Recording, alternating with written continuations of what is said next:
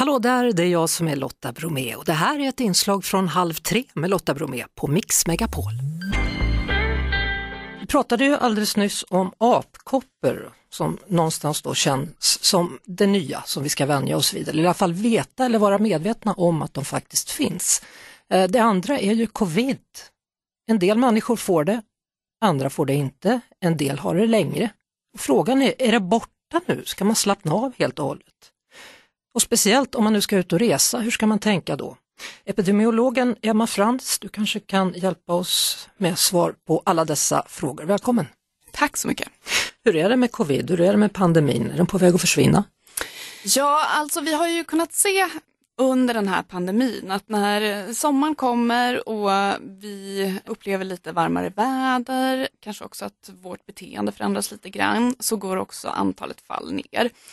Eh, nu har vi också en väldigt stor andel, inte minst här i Sverige, som har blivit vaccinerade med ett flertal doser och det bidrar ju också till att antalet allvarligt sjuka minskar tydligt och man ser liknande trender generellt i världen. Jag tror att vi kan förvänta oss en lugn sommar vad gäller covid-19. Ska vi fortsätta tvätta händerna och bära mask? Alltså att hålla en god handhygien tycker jag generellt är bra. Just det här med munskydd, där kan man ju hålla koll på om det fortfarande är liksom regioner där man behöver ha munskydd på sig. Ska vi räkna med att det blir fler pandemier framöver? Det kommer det bli. Det finns också många saker som ökar risken för det på grund av mänsklig påverkan. Att miljön förändras, klimatet förändras, människor och djur kommer närmare varandra.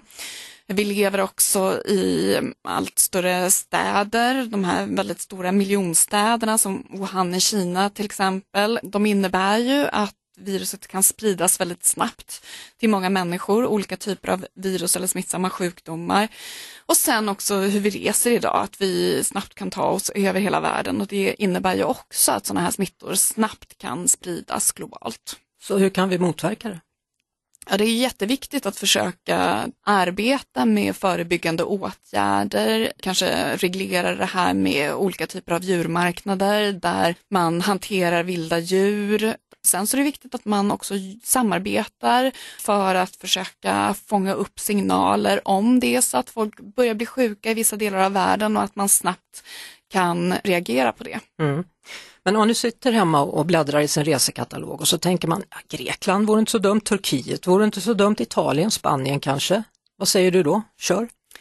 Jag tycker inte man ska hindras på grund av smittsamma sjukdomar. Sen så är det ju viktigt såklart att man också försöker minska sin risk att smittas genom att vaccinera sig, tänka på det här med att hålla en god handhygien, det finns ju andra typer av sjukdomstillstånd som kan drabba en, så att se till att man också får bra vällagad mat, försöka undvika fästingbett och sådana saker. Så det är liksom eh, alltid bra att vara lite medveten kring de här frågorna och under pandemin så tror jag också att medvetenheten kring hur sjukdomar sprids och vad de kan ställa till med, att den kunskapen har ökat väldigt mycket. Att människor har blivit mycket mer medvetna.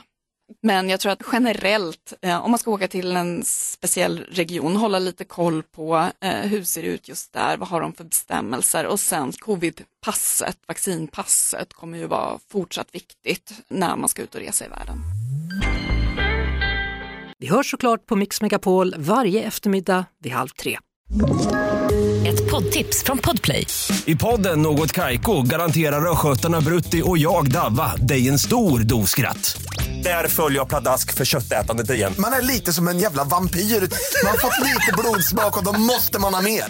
Udda spaningar, fängslande anekdoter och en och annan arg rant.